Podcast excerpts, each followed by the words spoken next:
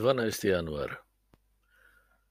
Jezus pride med nas zato, da nam pokaže, da smo lahko ljudje na božji način, ne na živalski, podivjan, posesiven, uničevalen, požrešen, eh, ta depresiven, zaprt vase, tekmovalen, uničujoč sebe in druge.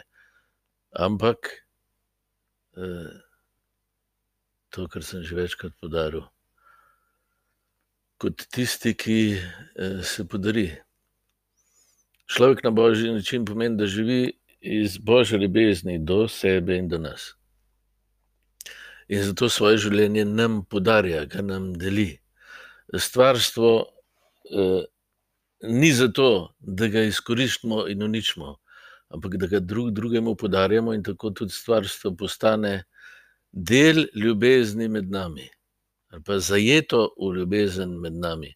Bog nam je zato podaril, da bi nam pokazal, da nas ljubi. Zdaj, če, če ga mi uporabljamo za ljubezen, dejansko ga eh, vračamo v, bo, v Boga, ga oživljamo, ga obujamo, ga ozdravljamo.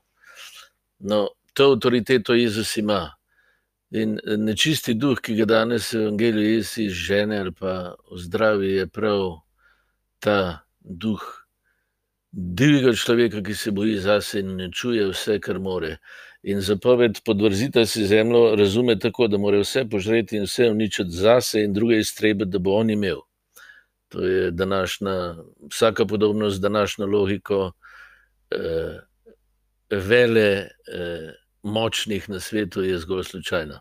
No, ampak Kristus prav to logiko ozdravlja, odpravlja in ima to avtoriteto, da nas te eh, živalske, požvinjene človeškosti ozdravi. Nečisti duh je prav ta. Človek je slabši od zverine. To je hudi duh dela, da nam uniči življenje, da stvarstvo ničmo, da vse ničmo. Božji duh pa dela ravno obratno.